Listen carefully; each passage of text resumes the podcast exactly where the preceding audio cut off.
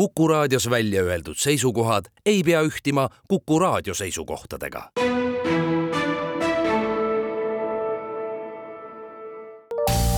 terviseks.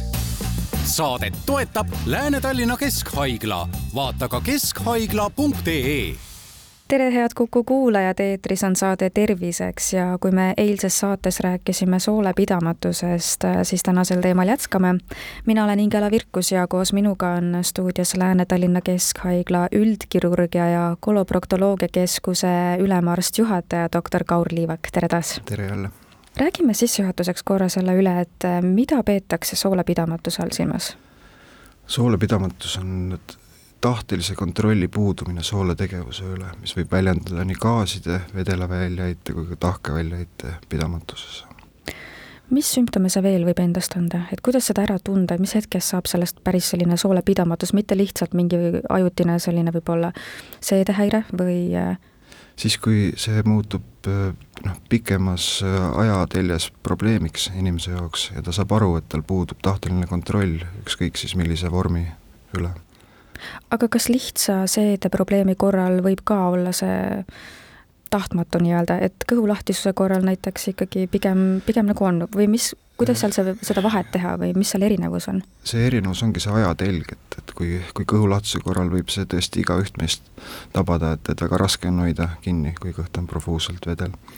et peab saama kiiresti tualetini, siis noh, nendel inimestel on see nagu probleem noh, kogu aeg tavaliselt kas äh, see on selline asi, mille korral saab ka kodus kuidagi olukorda leevendada või, või äh, ikkagi peab siin minema kindlasti perearsti juurde? Äh, no see sõltub algpõhjusest, miks see probleem on tekkinud, noh ütleme näiteks kui kõige sagedasem soolepidamatuse põhjus on naistel sünnitusjärgsed lahkliharebendid, kui see on õigeaegselt diagnoositud gümnakoloogide poolt, siis noh, saab alustada igasuguste vaagnapõhja lihaseid tugevdavate harjutustega, näiteks kõige lihtsam vahend, mis on ka meie nii-öelda nagu ravi üks osa juba, siis nagu kogenud füsioterapeutide juhendamisel.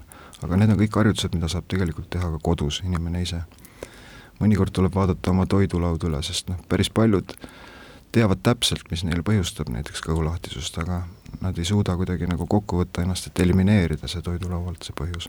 olgu ta siis piim, piimatooted või gluteen teinekord.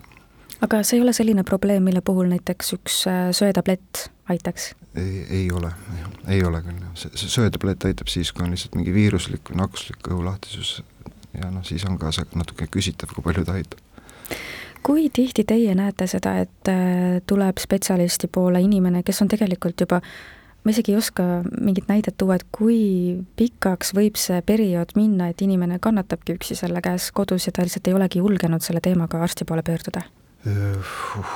see on, ma arvan, et nendest patsientidest, kes meil praegu on nii-öelda nagu jälgimise all, siin ikkagi rekordid on ikkagi aastakümneid seda on päris pikk aeg, et mis selle ajaga võib juhtuda, et lisaks sellele, et inimese jaoks on see kindlasti, see mõjutab tema sotsiaalset elu, tema igapäeva toimimist, et eelmises saates rääkisime ka, et piltlikult justkui öeldes nad teavadki, kus on kõige lähemad tualetid, et nad teavad seda kõike peast, et aga tegelikult on see ju vaimselt väga raske. see on vaimselt väga raske jah, ja nad muutuvadki selliseks noh, isoleerituks toakeskseteks, et psühholoogiliselt väga noh, suur probleem inimeste jaoks kui nad aga on ühel hetkel siis lõpuks arsti juurde jõudnud, mis tema käest küsitakse?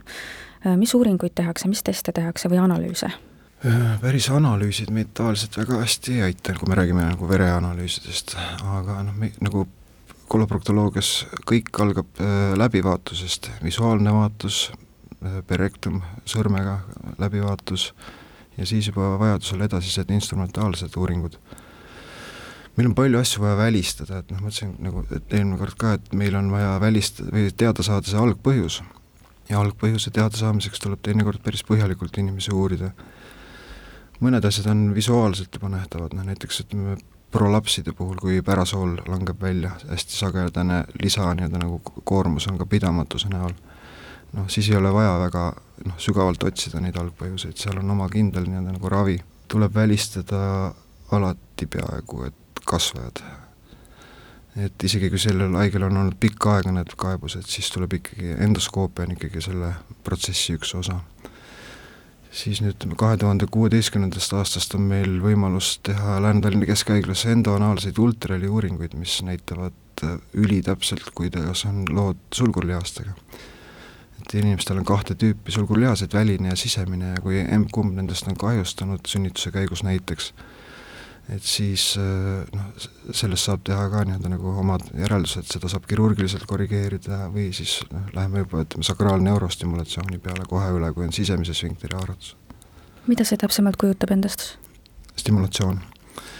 see on nüüd üks uus ravimeetod, noh meie jaoks uus tegelikult, see ravimeetod hakkas juba üheksakümne viiendal aastal äh, arenema, alguses uriinipidamatuse korral ja siis juhuslikult leiti, et see aitab ka vä-, noh, väljaheite soolepidamatuse korral.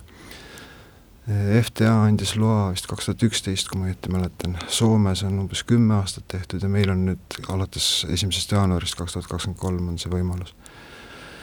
see on üks selline väike kirurgiline protseduur tegelikult, kus läbi ristluu pannakse sakraalnärvide juurde elektrood, millega on võimalik siis äh, anda väikest elektrilist impulssi närvile ja selle toimel toimuvad siis igasugused huvitavad muutused, millest noh, tegelikult meditsiin siiski vaatamata sellele, et seda nii kaua juba kasutatud, tegelikult ei teatagi täpselt, kuidas ta toimib.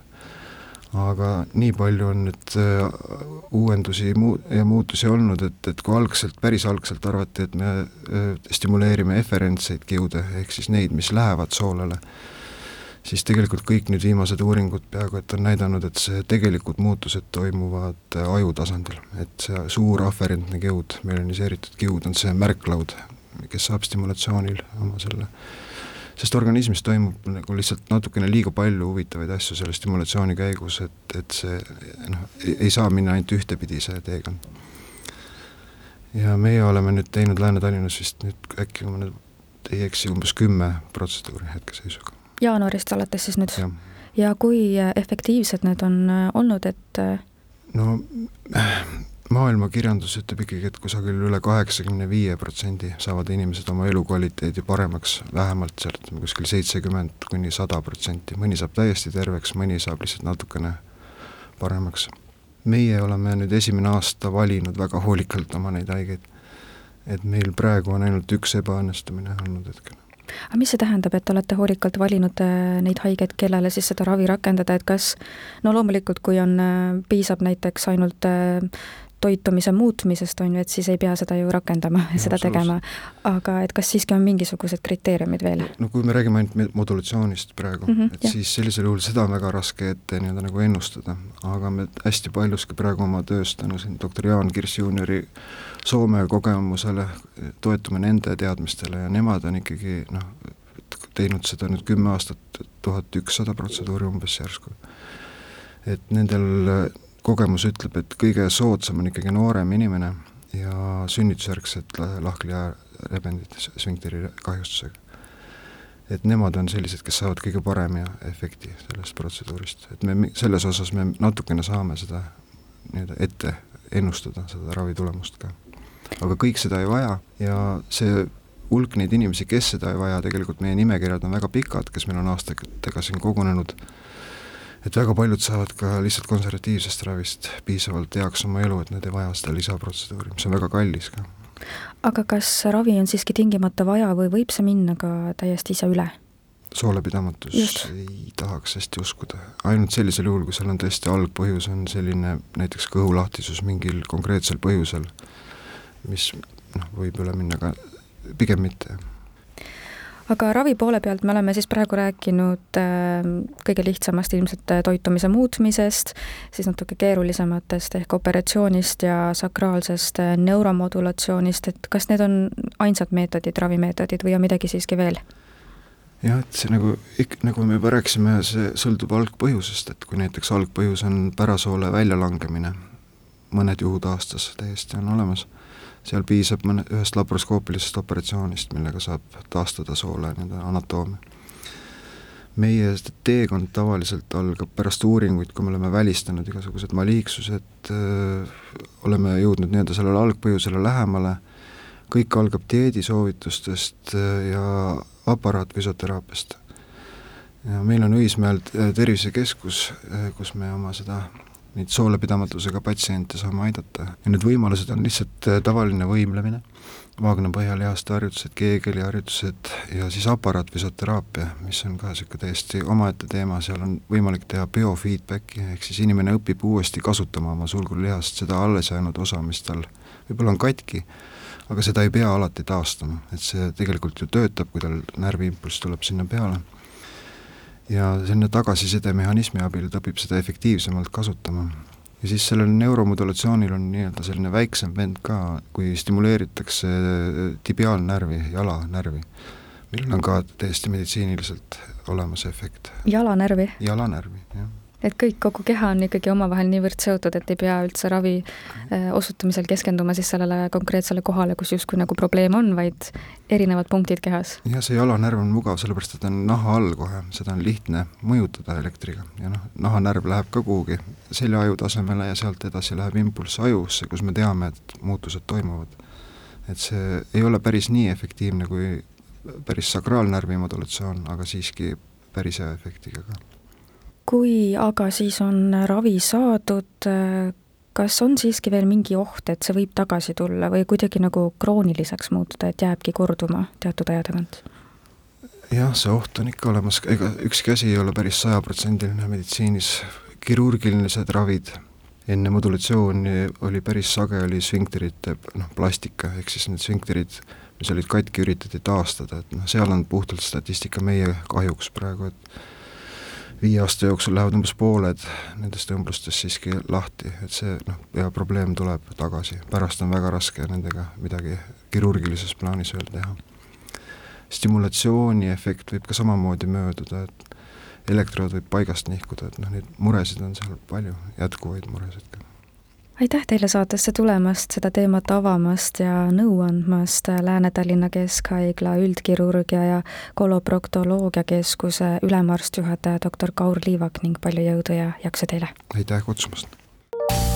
terviseks saadet toetab Lääne-Tallinna Keskhaigla, vaata ka keskhaigla.ee